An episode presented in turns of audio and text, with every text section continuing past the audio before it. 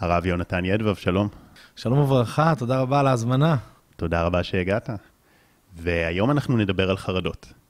מה גורם לחרדות? איך לטפל בהם ולהתמודד איתם, כיפי חרדה, לחצים.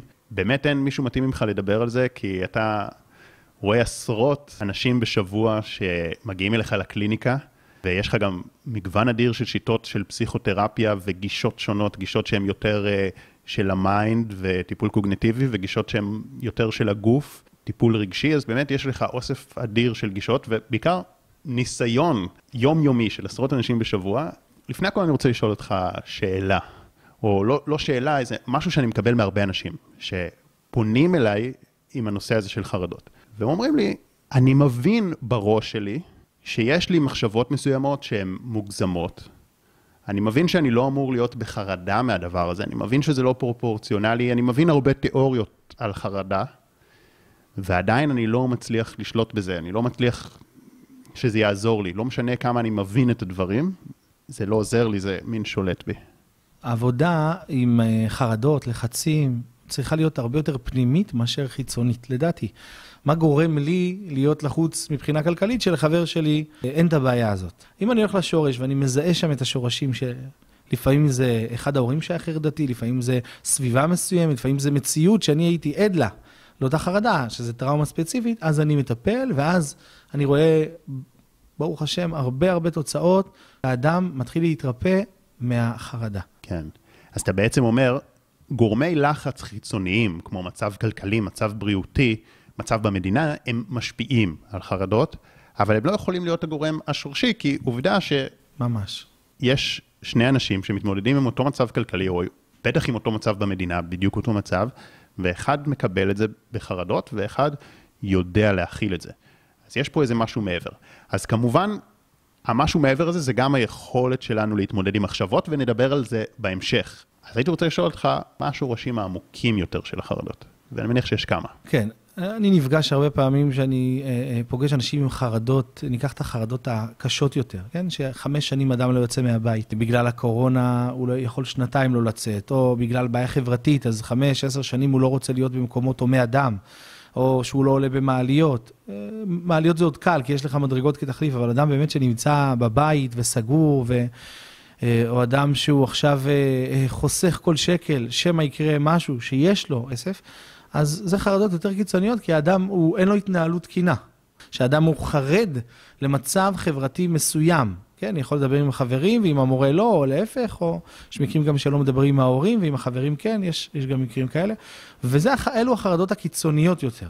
ששם קל יותר למצוא את השורש. אפשר לראות uh, פטירה של אחד ההורים שהייתי ילד. Uh, אימא מאוד מאוד חרדתית שהייתה לי, וכל החיים uh, הלחיצה אותי, ו- וכל דבר, איפה אתה, ולאן הלכת, ו... אז אני גם חרד. או איזה סיפור ששמעתי שהייתי ממש ממש קטן, שעוד לא פיתחתי את העולם הציורי שלי, והסיפור הזה הוא נכנס כאחד הראשונים. אז הדברים האלה, הם משפיעים על כל האישיות, וצריך לפתור אותם. איך לעשות את הנסירה, כן, נסירה, הריחוק מהמקום בנפש שלי, שאני תלוי באיזושהי דמות חרדתית, וגם אה, למצוא את הטראומה הספציפית שהיא, למשוך כן. אותה מהנפש, להוציא אותה החוצה. אגב, דיברת פה על החרדות המקרים יותר קיצוניים, אתה חושב שיש הבדל בתהליך בין בן אדם שהוא קצת חרדה חברתית וקצת ככה חווה לחצים ביום-יום, לבין בן אדם שהוא בחרדה הקיצונית? ברור שיש הבדל בעוצמה, אבל האם אתה חושב שיש הבדל גם בתהליך, שזה משהו אחר לגמרי, או שזה פשוט על אותו... זה אותו תהליך, רק הזמן לפעמים משתנה. לפעמים במקום אה, חודש, חודשיים של עבודה, כן? אה, אם זה פגישה שבועית, אז זה ארבע, שמונה פגישות, זה יכול לקחת גם כמה חודשים, כי תלוי באיזה גיל הוא קיבל את זה. הוא נולד להורים, הוא נולד מהראשונים, מהאחרונים, אה, הוא נולד להורים צעירים, להורים מבוגרים. כן, זאת אומרת, מה שאנחנו מדברים פה זה רלוונטי גם למי שסובל מלחצים נגיד, אה, ולחרדות קלות, וגם למי שסובל מחרדות מאתגרות. כן. אני חושב אגב שאחד הדברים גם שחרדות קשות יותר, לוקח יותר זמן להעביר אותם, זה כי אם בן אדם הייתה לו חרדה חברתית לצורך הדוגמה, במשך הרבה מאוד שנים. אז במשך הרבה מאוד שנים הוא נמנע ממצבי תקשורת. ההימנעות הזאת גרמה לכך שהחרדה תתעצם, וגם שהוא לא יפתח מיומנויות, כמו בן אדם שלא היה לו את החרדה, כי הוא פשוט נמנע, אז הוא לא פיתח את המיומנויות. אז אני חושב שבגלל זה זה גם לוקח יותר זמן.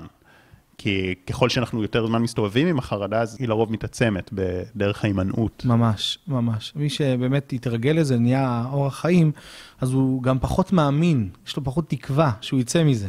כן, ממש אפשר לראות את החוסר תקווה הזאת לאנשים. ראית אנשים שבמצב קשה שיוצאים מזה? כן, כן. לפעמים צריך חמש, עשר פגישות, אם אני מדבר על מצבים קיצוניים, להשקיע רק בהורדת ההגנות. אדם מגיע עם הגנה, למשל הוא יכול להקשיב למה שאתה אומר, אבל הוא אומר, אם אני משחרר את החבל, אני נופל לים, אני לא... אז הוא מקשיב למה שאתה אומר, אבל הוא לא מצליח, אז אתה צריך לדעת איך להגיד לו את זה בצורה שהוא יבין. ואם אתה משלב תרגילי גוף נפש, כמו נשימות, דמיון, אה, SE, נדבר בהמשך, אבל אם אתה כן. משלב את זה, אז אתה רואה שמשהו בגוף מקבל שליטה יותר מהמוח החושב, יותר מהאונה כן. השמאלית, האונה הימנית לוקחת פיקוד, והוא קצת מצליח לסמוך על ה... לאבד שליטה, לסמוך על הכלום בעצם. אני לא כן. יודע מה יהיה, יהיה בסדר. כאילו יש לי תקווה פנימית. הרי אני כן. עכשיו נושם ואני יודע שאני אמשיך לנשום בלי שמישהו ייתן לי את התשובה הזאת לשנייה הבאה, כי אני, יש, רוב הסיכויים שכן, אז העולם הוא חיובי. כן, כי אתה בעצם משתמש גם בתרגילים שהם עוקפים שכל, זאת אומרת שזה לא להסביר לבן אדם, שבן אדם נמצא בקטסטרופה, אז זה לא יעזור כן, ההרגעה גם היא חשובה. אם אדם מגיע נסער, אפילו לא בחרדה, אני מגיע נסער, כן, אדם אה, אה, רב, חלילה, טיפול זוגי, אה, אחרי ריב מאוד מאוד כואב, זה לא, אי אפשר לטפל ששניהם סוערים, אלא יש צריך הרגעה כזאת, איזה תרגיל שמקרקע, ואחרי זה לפרוק את הכל, כי אחרי זה זה יוצא בצורה יותר מבוררת, יותר באמת כן. שלמה. הבירורים... הם בסוף מביאים אותי לידי טיפול יותר טוב, כי אני יודע מה, במה אני, מה הפריע לי. כן, אז אני חושב שניגע בזה. אמרת משהו שתפס אותי, שאני רוצה רגע שנתעכב עליו. אמרת לפעמים לוקח כמה פגישות להוריד את מנגנוני ההגנה. אז קודם כל אני אשאל, האם החרדה בעצמה היא מנגנון הגנה? אם לא, אז לאיזה מנגנוני הגנה התכוונת? בדרך כלל מנגנוני הגנה זה יכול להיות ליצנות, תשאל אותי על אה, סיפור חיים כואב שעברתי, אז אני אתחיל להגיד את זה בצורה מצחיקה, כאילו בצורה סתמית כזאת, או שאני אדבר על מישהו אחר, שזה גם מנגנון הגנה, כדי שאני לא אחווה את הכאב בגוף. אני אספר את זה עליי, אבל אני ארגיש שאני מדבר על ילד אחר שעבר את הכאב הזה. Mm. כי מישהו שהוא ליצן, אנחנו דווקא תופסים אותו כבן אדם מאוד שמח. ממש. ולא בן אדם שיש לו, גם חרדות בדרך כלל באות עם אה, דכדוך ויש קשר בין הדברים. לא כבן אדם שיש לו חרדות ואולי מצבי רוח. ממש. הליצן, הוא מנסה ליצור לעצמו עולם נוסף שהוא יוכל להישען עליו מאשר העולם שלו. זה הליצן. כמו האדם שיכול לברוח ל-16 שעות ביממה למסך. הוא רוצה עולם אחר, לא טוב לו מספיק בעולם הזה, מפחיד לו, קשה לו, המאמץ מדי, הוא שומע כל יום על משהו חדש לא נעים שקורה, אז הוא בורח לעולם של מסכים. הקושי שחוזרים לעולם האמיתי, אז אנחנו חוזרים עם כאב גדול יותר, כי אנחנו לא מאומנים בעולם האמיתי. כן, זה קטע, אני גם עשיתי שני פודקאסטים עם סטנדאפיסטים, שהם גם דיברו על זה, גם uh, מור חן ויוסי גבני, הם גם נגעו בנושאים האלה, כמה הרבה פעמים הצחוק, ש, שזה דבר מדהים ונפלא ותרופה לנפש, הוא יכול להיות גם איזשהו מנגנון הגנה מ, מלגעת בעומק. ציניות זה גם קשור לזה? כי, כי הרבה פעמים ציניות היא גם מצחיקה והיא גם איזשהו מנגנון הגנה, נכון? כן, ציניות, ציניות זה ללכת לקצה בעצם. כשאני הולך לקצה, אז זה אומר שגם פגשתי מצבי קצה בעולם. אם אני מזהה את הקצה שאחרים לא מזהים, ולכן אני זה שזורק את ההערה הצינית, אז אני גם יודע לזהות, זה אומר שעברתי דברים לא פשוטים, בדרך כלל, כן, הנפש היא רחבה. ציניות זה בעצם מין להגחיך כל דבר, שכל דבר לעשות אותו מוגזם, כן, מוכח. לשנות לו את הצבע. בעצם, כן. להפוך אותו לצהוב תמיד. זאת אומרת, אז, ל... אז גם מישהו שהוא ציני, קשה לך לדבר איתו על דברים עמוקים. כן, זה הגנה, ממש הגנה. ציניות זה הגנה, אה, דיבור בקול רם זה הגנה, כדי שלא תתקרב אליי ולא תנסה mm. לדבר איתי, ב, ב, אם אני עכשיו אדבר ב... כן, ואני, אז אני כאילו לא נותן, ל, ל, לפרי אני לא נותן מקום, יש קליפה, כמו לתפוז יש קליפה. קליפה הכתומה. אבל זה בגלל שיורד ברד והתפוז אה, פוגע בגזע, אז שבסוף אני ארצה לקלף אותו ולאכול את הפרי, אז יהיה לי פרי. ואם אני אה, כל החיים נשאר עם הקליפה, זה לא טוב. הקליפה היא טובה לשנים הראשונות כדי שאני לא אשתגע פתאום. אבל אחרי זה זהו, צריך לקלף לאט לאט, לאט לאט. כמובן, יש מקרים, אה, אם לא נפתח את זה, אבל הפרות אישיות מסוימות, שאתה לא ישר נוגע בכאב, אלא אתה לאט לאט. לאט אתה מדבר עם האדם על הדברים הטובים שבו, עד שהוא מרגיש בטוח, והוא לאט לאט עוזר ומקלף מעצמו, והוא אומר, אתה יודע מה, באמת, היה לי כואב בשנים האלה, והוא מתחיל לאט לאט להוריד דמעות ולדבר על הכאב. אגב, אני חושב שזה טיפ שהוא מאוד מאוד חזק, גם לכל מפה שלא מטפל, אם אתם במערכת יחסים עם בן אדם ש... יש לו חרדות, או אפילו כל בן אדם, גם מי שאין לו חרדות באופן קבוע, יש לו לחצים, יש לו מצבי רוח. וקודם כל, לפני שנוגעים בכאב, לפני שנוגעים בדברים, ככה לעזור לבן אדם להסיר את מנגנוני ההגנה, שהדרך לעזור לו זה לתת לו את הסביבה המוגנת הזאת. ממש. ואת החום, ואת ה... להראות לו, אני מקבל אותך, אני מקבל אותך, את בטוחה איתי, אני מקבל את הצדדים האלה שבך. להכיל, ממש. להתמקד ממש. בטוב שלה. ו... וואו, ממש. ואז בן אדם יכול להיפתח, וגם לגעת בכאב, ולהוריד את הציניות ואת הדיבור הזה בקול רם. כן, עוצמה בכלל, מתי אני, מתי אני אה, מפגין עוצמה? אם עכשיו אני אמצא את עצמי בכלא במקסיקו, אני אצטרך להראות, להפגין עוצמה. בכלא בתאילנד, אנשים מספרים לי, אני פוגש אנשים שעברו שם חוויות לא פשוטות, אז אני מפגין עוצמה. אבל אם אני נמצא עכשיו מולך, למה אני צריך להפגין עוצמה? אז אם אני מולך ואני גם מפגין מולך עוצמה, זה אומר שאני מרגיש שאתה יכול לפגוע בי. אז אם אתה לא יכול לפגוע בי באלימות, אז אולי זה אלימות, אולי לא אלימות, אולי משהו ב... תערער לי באישיות שלי שאני לא מספיק טוב.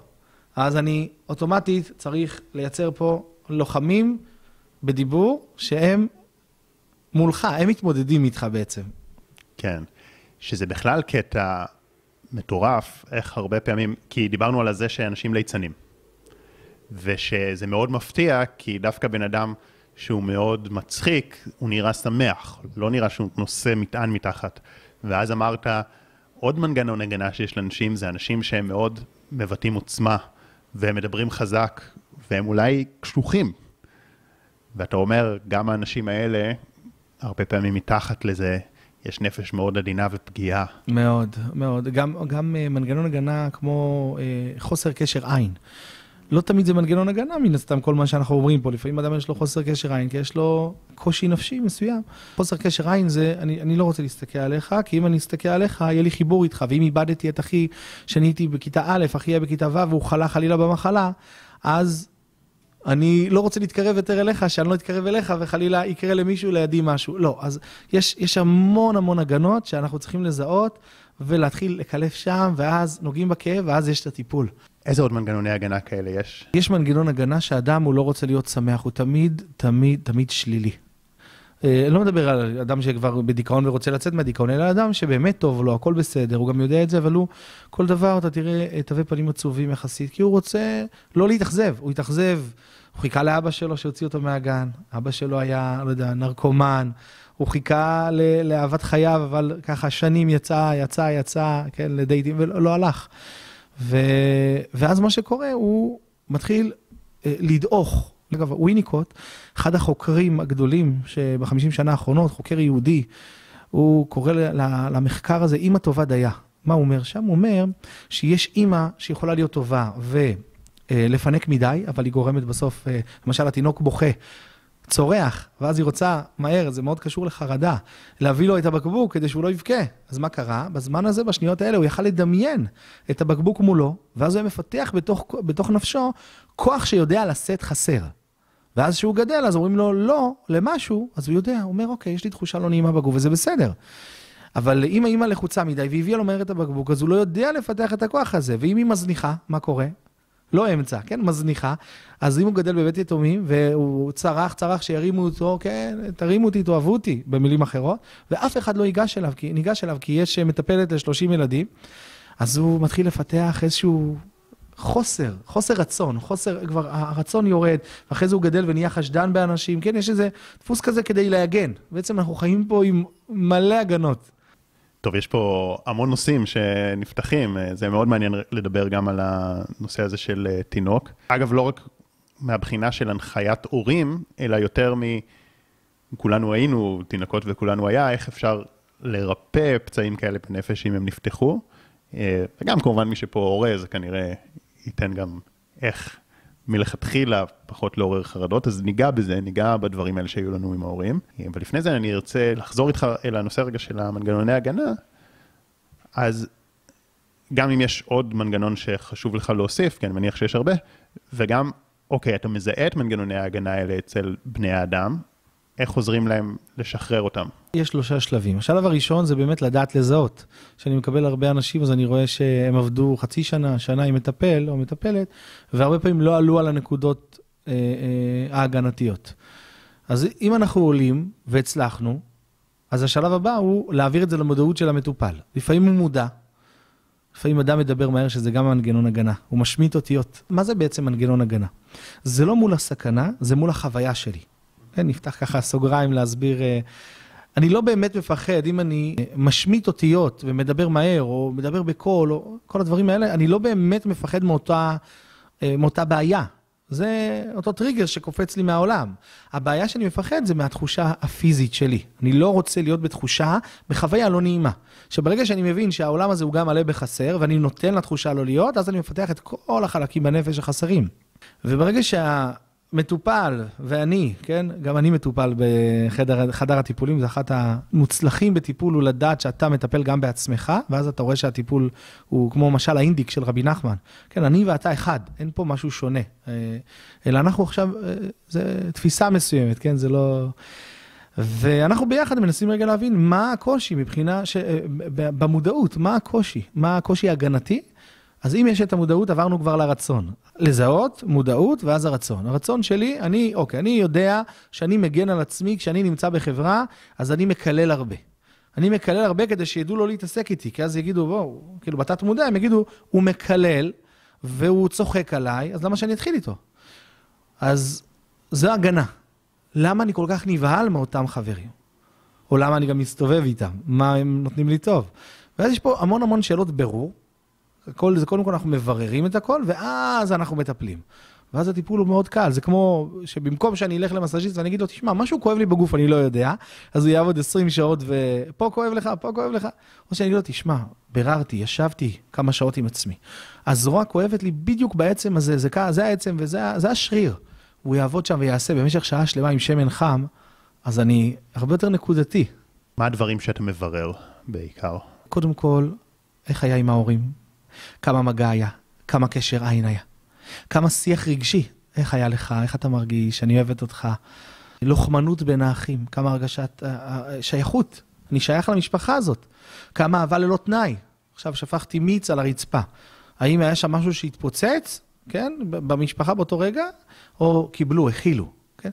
אם אני בודק את הדברים האלה, זה כבר נותן לי את רוב כן. הזה, וגם... אה, אז, אז רגע, נעצור פה, כי אני רוצה להתעמק בזה, וגם לפתוח בהערת סוגריים. אתם יודעים, אנחנו לא בגישה של רק לחפור בעבר ורק להתעסק בזה, כי בסוף כן צריך להתמודד עם גורמי הלחץ בהווה, צריך אה, להתמודד עם מחשבות שלנו בהווה, יש הרבה עבודת הווה. פשוט, זה יותר הנושא שלנו של הפרק, כי זה משהו שפחות מדברים עליו, שפחות מתעסקים בו.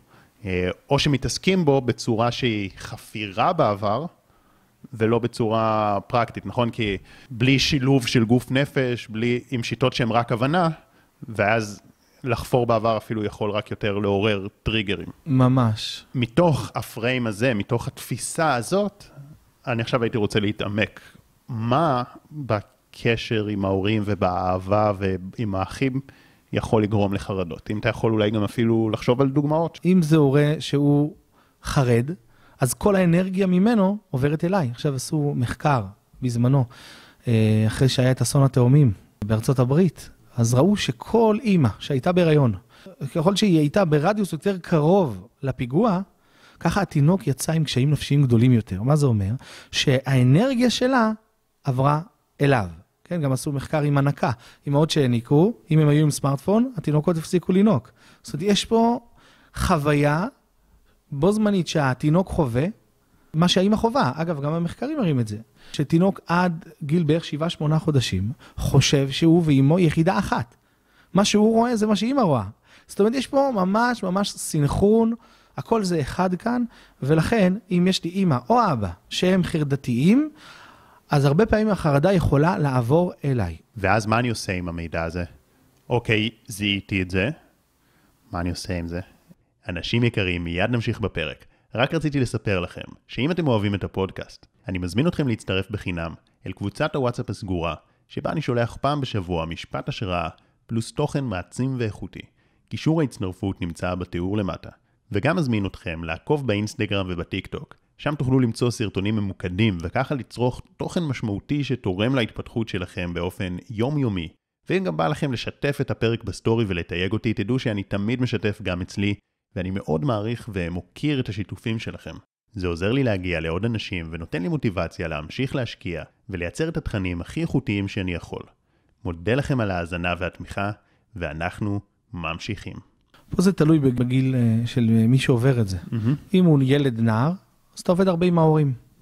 אתה רואה שעבודה עם ההורים, תלוי, נער זה היום כבר גיל 12, זה כבר אה, עבודה אחרת לגמרי, אבל עד גיל 12, גיל 13, הגילים האלה זה עבודה בעיקר עם הנער, אחרי זה זה, שוב פעם, מה שאנחנו אומרים כרגע, בגלל שזה נפש, אין פה נוסחאות מדויקות, לא על שיטות, וזה חשוב להגיד. בדרך כלל זה יותר עבודה עם ההורים, ונער יותר עבודה איתו. עם ילד זה יותר להכווין את ההורים איך, כן, ממש טיפ, טיפול, טיפול פרטני. לבחור ככה אחד ההורים, לעשות איתם פגישה, לראות מי יותר אה, קשה לו, גם לשאול אותם, לראות שהם מסכימים, מבינים את הקושי, או רוצים, אה, כגודל הרצון כך גודל הצלחת הטיפול, ואז אם מאוד, מאוד רוצים ואומרים, כן, אני סובל מזה, אני חרד, אני לא מצליח, זה לא משתלט עליי, תטפל, תעזור לי, אז יאללה, בוא, בוא נצא לדרך. אה, ואם זה אה, נער או אדם מבוגר, אז אה, אתה מלמד אותו לעשות נסירה. מה זה נסירה בעצם? נסירה זה אומר שאני כרגע, אם אני מושפע כרגע מחרדה של אבא או אמא, משהו בנפשי עדיין תפוס בנפשם.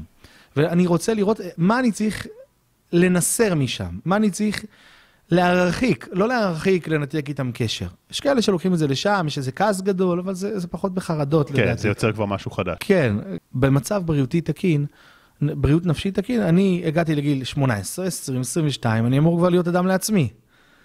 מה זה אדם לעצמי? כל הכוחות נפש שאבא ואימא טבעו בי, עכשיו אני מביא את זה לידי ביטוי בחיים. הנה, עכשיו אנחנו יושבים פה, אתה בלי ההורים שלך ואני בלי ההורים שלי. זה אומר שבנינו אבא ואימא תוך נפשיים. אני מזהה איפה באבא ואימא התוך נפשיים האלה יש משהו שהוא עדיין תלוי בהם, ועל זה אני עובד. לדוגמה, אם אני הולך עכשיו לקנות פירות, או רוצה להירשם ל- לאוניברסיטה, ואז הקול של אבא שלי צועק בתוכי ואומר, לא, זה לא שווה, זה לא מספיק שווה, התחום הזה, אתה לא מספיק תהיה מוערך. זה אומר שעדיין לא עשיתי נסירה. והקול הזה של האבא שצועק בתוכך, הוא ממש יהיה לאנשים בקול של אבא שלהם, או שזה יהיה בקול של עצמם, וזה איזה מין רצון שלהם פנימי, שהם לא מבינים שזה קולות חיצוניים. זה מין מקום שרוצה להיות עדיין קשור לדמות שאני לא יכול בלעדיה, ואז בגלל שאני, שאני כבר קשור אליה, ויש בה חלקים שלה בתוכי, אז מה שנקרא, אבא אומר את דעתו בי, מה שאני מכיר שהאבא היה רוצה. אז בעצם מישהו זיהה שהיו לו הורים חרדתיים, שאימא שלו אולי הייתה בהיריון חרדתית, ואז הוא עושה את הנסירה. הנסירה עצמה זה לזהות את החלק, קודם כל להבין אותו שכלית, קוגניטיבית, להבין כן. כן. מה, מה, מה בו, מה, למה אני צריך את זה, מה זה מועיל לי, למה אני כל דבר צריך לשאול, למה זה כל כך מפריע לי, ואז להתחיל לעשות כל מיני תרגילי גוף נפש שמוציאים את הכעסים, את הלחצים, ואז עוד פעם זה חוזר לקוגניטיבי. אה, כמו נשימה מעגלית, שזה מתוך הכלים שאני מכיר ומתעסק, זה הכלי בעיניי הכי חזק. מהמם. גם שבאים אליי כל מיני אנשים כמו פסיכיאטרים, פסיכולוגים, אה, אה, רופאים כאלה ואחרים שעושים אצלי את התרגיל הזה, אז הם אומרים, לא עשינו תרגיל יותר עוצמתי מזה, כי נשימה זה בעצם המקום הכי עמוק שבי. כמה זמן אתה עושה להם את זה? שעה שלמה של נשימה? לא, ש- הנשימה, אה, נשימה מעגלית, אה, אני, אני מנסה להתאים אותה יותר לנפש של האדם שמגיע, אבל נשימה מעגלית זה, אה, בתור התחלה עושים את זה ממש, רק ללמוד את הטכניקה, ואחרי זה, תלוי. באיזה מצב נפשי הוא הגיע. זה מאוד משתנה. ואפשר 20 לעשות את זה גם בישיבה, 40 או שזה דקות. תמיד בשכיבה? אפשר, אבל מומלץ בשכיבה, בהרפאיה מלאה, עצימת עיניים, ו... לא עם כל אחד, יש כאלה שאני עובד איתם יותר עם דמיון, דמיון נובע, דמיון מודרך. יש כאלה יותר אה, עם SE, SE זה הקשבה לגוף, חוויה סומטית, חוויה גופנית. מה זה אומר? תרחיב על זה. שאני יכול אה, אה, לשבת, ככה ידיים על הרגליים, רגליים ב-90 מעלות, גב נשען, אני מרגיש את הגב, ואני מתחיל דרך השקט להקשיב לתחושות שנמצאות בגוף שלי. ואז אני שומע שם, יותר נכון חווה, זרמים, מקצוצים, נמלולים, גירודים, אה, אה, לחצים, וברגע שאני שומע את זה, זה אוטומטית המוח אומר לגוף, אני מאפשר לך גם לפרוק את זה. כי אני עכשיו מקשיב לזה, ואז זה מתחיל לצאת. זה, זה אחת השיטות החזקות שקיימות בעיניי, אבל אה, אה, עדיין לא נשימות בעיניי. היא דורשת גם יותר ריכוז, היא דורשת יותר כוח מנטלי. מישהו שהוא מאומן במדיטציה כנראה יעשה אותה יותר טוב. ודאי, ו- בטח, בטח. ונשימות אתה לא צריך לא, נשימות, לפתח ריכוז לפני. לא, נשימה, למה, בוא, בוא נפתח טיפה לנשימה, כי זה הכלי אה, בעיניי שהוא המשמעותי ביותר. כשאדם נבהל, אז הדבר הראשון שהוא עוצר זה את הנשימה. מה הוא עצר? איזה נשימה ראשונה? אה, בפה. למה? כי הפה זה החוויה והאף זה הריכוז. בגלל זה במדיטציה הנשימה יותר מהאף בדרך כלל. יוגה נושמים הרבה יותר מהאף. נשימה בפה. כשאדם לא רוצה לבכות, אז הוא עושה, הוא עוצר מהפה. אותו דבר על הבטן ובית החזה. הבטן שלנו, היא נעצרת ברגע שעכשיו מישהו, אני מכוון על ילד קטן או מבוגר אקדח, הוא ישר יעשה, יעצור את הבטן ואת הפה. כן? והוא ימשיך לנשום לבית החזה ומאף, כדי לחיות, להתקיים. בית החזה זה יותר מין אה, שלב שני, זה יותר... המקום שאני מדחיק כשאני נושם רק לבית, הקש... לבית החזה זה הדחקה. כן, תינוק הוא נושם בטן, ואז החזה מתמלא, כי נגמר המקום בבטן. מבוגר בעיקר נושם לבית החזה. נשימות, מבוגר היום אה, נושם רק עשרה אחוז בדרך כלל, כן? מבוגר נושם. וילד זה... יש שם משהו בריא. הוא, המבוגר לא רוצה להיפגש עם הטראומות שנמצאות בבטן. ובנשימה המעגלית אנחנו נפגשים עם הכל כולל הכל, ואז זה מעלה פתאום אירועים, ואנשים בוכים ומוציאים. כמובן, פה חשוב, גם ההכנה הרגשית, אם היא טובה, כן. וגם אם הנשימה מותאמת למצב הנפשי. כן, זה, ההכנה פה היא קריטית, אה, גם מבחינת לשמור על הבן אדם, כי זה יכול להציף טראומות, אבל גם מבחינת האפקטיביות של זה. זאת אומרת, אם אתם עושים את זה לבד, אני חושב שזה יכול גם לא לעלות יותר מדי. ממש ו... ככה. גם, יש אנשים שעושים שעה ולא... גם אני מניח שכשאנשים עושים את זה איתך, הם מרגישים מוגנים. אז זה גם יותר יכול לצאת דברים. כן, אם הם אוהבים את המטפל, והם מרגישים שהוא אוהב אותם ללא תנאי, גם אני יכול לקבל אדם שפגע מינית, אה, או אדם שהוא אה, אה, אלים במשפחה, שהוא אומר, אני רוצה לטפל. אני, אין בעיה, הרווחה כבר יודעים, והמשטרה יודעים, אבל ממילא אני רוצה לטפל, אני רוצה לחיות. והוא יודע שאתה אוהב אותו, כמו שאתה אוהב את עצמך, אבל אתה יודע שהוא צריך לקבל טיפול ומענה, אז זה משהו אחר, הוא כבר באותו רגע כן. נפתח. ממש בא לי לדבר איתך על גוף נפש, אנחנו לא נעשה את זה היום, אבל ממש בא לי לדבר על גוף נפש, אז אם אתם רוצים שנדבר גם על הנושא של גוף נפש, ואולי על נושאים נוספים עם יונתן, אז תגיבו כאן בתגובות. אם אתם שומעים בספוטיפיי, אז לכו ליוטיוב, תגיבו, כי אם אני אראה שיש הרבה תגובות ושיש רצון, אז אנחנו נעשה עוד פרקים בנושאים האלה. וואו, כי, כי כל מה שדיברנו, נגיד, אה, אוקיי, אז האמא הייתה חרדתית, האבא היה נוקשה, ומן הסתם זה קשור גם לכל מיני מחלות שמתגלות, זה מאוד מאוד רלוונטי לעוד הרבה דברים, לא רק לחרדות. אז תגיבו כאן אם זה מעניין אתכם. ועכשיו, התחלת להגיד משהו מאוד מעניין על הנושא הזה של לאהוב אותו ללא תנאי. בעצם, אחד הדברים שגם מייצרים לאנשים חרדות זה, ה... זה שאין להם מישהו בעצם שהם ממש סומכים עליו, שהם ממש יכולים לשתף אותו, שהם חיים באיזושהי הסתרה, באיזושהי בושה, נכון? ככל שאני דוחס יותר בגוף הזה ולא נותן לו להוציא, אז אני מתמלא בלחצים, חרדות, פחדים, דיכאונות, כעסים, הכל. ככל שאני מאפשר גם הוצאה, כמו המדיטציות המדהימות שאתה עושה, אז כל הזמן יש יציאה, יציאה, יציאה, יציאה. זה כמו לקחת בקבוק אה, קולה, הסודה, רק למלא אותו אוויר. כן? הוא בסוף, אה, אין מקום. ובגלל זה הנושא של התקשורת עם מונחה והיכולת לקבל אותו ללא תנאי היא כל כך מרפאת, כי זה מאפשר לו להביא את עצמו ממש. וגם את הצדדים השליליים שלו שהוא מתבייש בהם. ממש ככה, הוא מרגיש שהוא יכול להיפתח. הרבה פעמים אני אה, רואה שיש אנשים שמספרים משהו ראשוני שההורים בכלל לא יודעים עליו. וכשאתה פוגש את זה, אז גם הטיפול הרבה יותר מוצלח, וגם ההדרכת הורים תהיה יותר מוצלחת, וגם האמונה של האדם באנשים מתחילה להתרפא. כי הוא אומר, אוקיי, יש תקווה. ככל שאנחנו, כולנו, לאו דווקא האדם שמטפל, נאמין יותר בשני ונראה בו את הנקודה הטובה, אז באופן אוטומטי הוא ייפתח אלינו. כמו חבר טוב שיודע לשתף את החבר שלו. ממש ככה, זה גם הסיבה שהתעכבתי על הנקודה הזאת, כי אני לא חושב שזה רק מטפל טוב יודע לתת הערכה ללא תנאי ובאמת לקבל את הבן אדם, כל אחד מאיתנו ממש. יכול לעשות את זה, וככה להפוך להיות רופא לכל דבר. ממש. אה, נכון שאחר כך יש עוד דברים חשובים, אבל זה יותר מהכל, וזה, אתה יודע, לפעמים בתור בן אדם שחוקר את הנושאים האלה, ואוהב להתעמק, ואוהב דברים מתוחכמים, ואוהב לזהות את המחשבות המאוד ספציפיות שגורמות, ואת הטראומות, ואת הדברים. זה לפעמים אפילו מתסכל עד כמה לתת אהבה לבן אדם זה יותר מרפא מהכל. וואו, אני, אני צוחק מתסכל. זה, זה כיף לראות את זה, פשוט אומר, זה, זה מעבר לדברים המתוחכמים, זה נותן כל כך הרבה. ואני לא, והדברים המתוחכמים של לעשות איזו טכניקת נשימה מסוימת ולזהות את ה...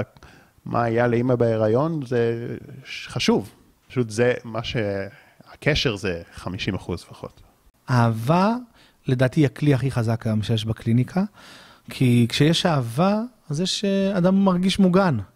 הרי אמרנו קודם לקלף את הקליפות, ממש לקלף, להתחיל לקלף את ההגנות, את הקליפות שאדם שם על עצמו כדי להגן על עצמו. אז הדבר שהכי עוזר זה אהבה. אהבה, אני קודם כל אוהב אותך, אתה יכול עכשיו לקבל התקף חרדה כאן, ואני לא אסתכל עליך מוזר. אבל זה לא במילים, זה בחוויה שהוא חווה ממך.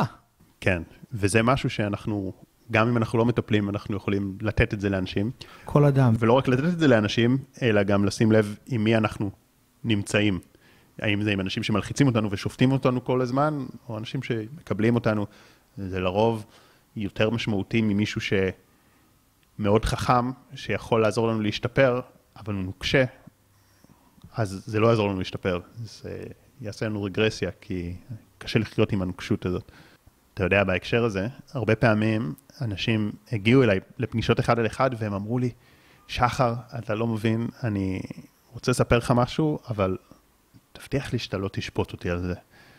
כי אחרי שאני אגיד לך את זה, אני יודע שאתה תאהב אותי, זה... לא, זה הדבר הכי נורא, הכי איום. זה באמת דבר לא בסדר שעשיתי. אני לא סיפרתי את זה לאף אחד, ואני כזה חושב, מה, מה הולך להגיד לי? מה, הבן אדם רוצח, מה הולך להגיד לי? ואתה כבר מחייך, כי אתה יודע, כי זה גם קרה לך הרבה, שבסוף הוא מספר משהו לא נחמד, אוקיי, אבל לא נורא. לא משהו שלא שמעת, משהו שקורה לכל האנשים. או לא משהו הכי חמור בעולם, ואתה חשבת, הבן אדם עשה מעשה זוועה, הוא צריך לשבת בכלא.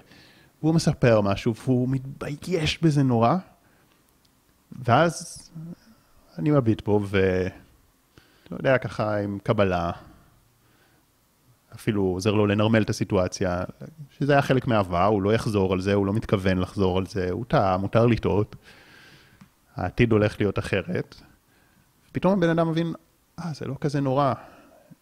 הרבה אנשים קרה להם דברים אפילו יותר גרועים, ופתאום משהו משתחרר.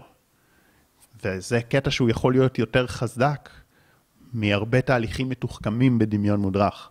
שבן אדם פעם ראשונה פורק איזה משהו שהוא מתבייש בו, משהו שיושב עליו. זה כמו איזה אבן על הלב. תוך כדי שאני מדבר גם רצות לי כל כך הרבה דוגמאות, ואני שם לב שבאמת בפעמים שמאוד עזרתי לאנשים, זה הרבה מהם היה פעמים כאלה, שדיברנו, התחלנו תהליך, ורק אחרי איזה שתי פגישות או משהו כזה, או שלוש, בן אדם בא ומשתף איזה משהו מאוד כבד, ופתאום כשהבן אדם משתף את זה ופרק את זה, חוזר לנשום. הוא גם מפסיק להאשים את עצמו כל הזמן, כי הוא מבין, כי דרך השיקוף שלי הוא מבין, זה לא סוף העולם, וגם הוא פרק את זה, וזה לא יושב רק עליו. וזה מאוד חזק. והקטע הוא שגם כל אחד חושב שזה הכי נורא, אבל מה שאתם צריכים להבין זה שפשוט אנשים לא משתפים, ובגלל שאנשים לא משתפים, אז אתם לא יודעים שעוד הרבה אנשים קרה להם כן, מה שקרה לכם. ממש, ממש. או יותר גרוע. וואו, כן, ההסתרה היא גדולה, היא גדולה. היום ההסתרה, אם זה אנשים שהם יכולים להיות מאוד מוכרים או מצליחים, ואתה שומע דברים שאתה לא יכול לדמיין שאנשים הקרובים לו לא יודעים. אבל זה, זה באמת, ההסתרה מבושה או ממה יגידו היא גדולה. אבל זה גם מגיע מהרבה מסכים, שאנחנו כל הזמן, והמסך זה מה יגידו עליי. כן. כן, כל הזמן ה- ה- ה- להיות, uh, בעצם המסך הוא קשור מאוד לחרדות. אם אני מוצא את עצמי הרבה שעות מול המסך ביום, אני מוצא את עצמי mm. מתנתק מהמציאות. בוחר מציאות אחרת. ואם בחרתי מציאות אחרת, זאת אומרת, אני פחות יודע להתמודד עם הדור אה, הקודם, חקלאים, עובדי אדמה. החרדות היו בעשרות אחוזים פחות. למה? כי הם היו בתוך המציאות. הם ידעו לחוות אותה לטוב ולרע. היום, כפתור אחד אנשים יושבים, רואים, צופים בסדרות כל הלילה. כן, זה ככה קל לברוח. בורח, ממש. וכשאני חוזר, אני חוזר עם מדוכא יותר. ריק, ריק יותר ומדוכא יותר ו... ו... כן, זה מצטבר ומצטבר, כי אין איזה רגע להיות עם עצמך, אז אתה יכול לברוח מזה הרבה יותר זמן. אתה מתחבר יותר למקום האני, האני באלף, שכל הזמן חושב מה חושבים עליו, האגו, מאשר למקום העצמי, עצם, כן, המקום שלי, של יונתן. מי אני? אני אוהב את עצמי, אני התחתנתי עם עצמי, כן, הרבה פעמים אנשים צריכים להתחתן עם עצמם, זאת אומרת להתחבר לעצמם, לאהוב את כל החלקים שבי. ומתוך המקום הזה כבר הדימוי עצמי עולה, ואם זה חרדות כמו כן. חרדות חברתיות, הם פשוט, לא, אז אמרו עליי, אני כן. משתדל, אני עושה את ההשתדלות שלי, בסדר. טוב, אז אה, יש עוד הרבה נושאים שלגעת בהם, לא ניגע בהכל בפרק הזה. אם אתם רוצים שנעשה עוד פרק, תגיבו כאן, וגם על מה זה מעניין אתכם שיותר נדבר על הדימוי עצמי, על תלות והתמכרויות, על גוף ונפש, או על המון נושאים נוספים. אולי נדבר קצת זמן אמת. אדם עכשיו מגיע מול קהל ויש לו חרדה חברתית. באירוע, אם זה בהצגה שהוא צריך להופיע, בוא ניקח אירוע. בסדר, כן. יש אנשים יש להם חרדות חברתיות כאלה שיכולים למצוא את עצמם, אם זה אישה מול המראה 6, 7, 8 שעות, אה, וזה לא אירוע שלה בכלל, אירוע מאוד רחוק שלה, רגע, מה יגידו על זה, ומה יגידו על זה, או גבר, שהוא, רגע, אני הולך רק עם אשתי לחתונה, אני מתבייש, לא נעים לי. איך אני בונה את המקום אצלי בשלבים? אז השלב הראשון, אני מזהה את זה, שלא נעים לי מאחרים. השלב השני, אני נכנס לאירועים שאני יכול להתמודד איתם, כמו האירוע שעכשיו דיברנו, שבסוף האדם מתארגן והגיע ונכנס, ואז אני מתחיל להרגיש לחצים בגוף. לחצים וזרמים, ואפילו לפעמים בהתקפי חרדה, האדם מרגיש כאילו ממש יוצא מהגוף. כאילו הנפש קצת בורחת מהגוף. כאילו, מלבד הדופק המהיר וההזעה והגלי חום, מלבד התסמינים, ויש עוד תסמינים של התקף חרדה, מה שמרגיש כאילו, לא יוצא, אני לא מצליח להוציא מילה מהפה. אז דבר ראשון, לדעת שהדבר הזה זה רפואה ולא חולי. זה נראה מוזר, רגע, כולם פה בריאים, מדברים, צוחקים, רוקדים, ורק אני כאן, לא מצליח לתקשר, לדבר, כן? כי אתה נמצא כרגע ברפואה. כמו אדם שיש לו אה, וירוס ועולה לו החום ל-39, מה קורה? החום שורף את כל, הורג את כל החיידקים.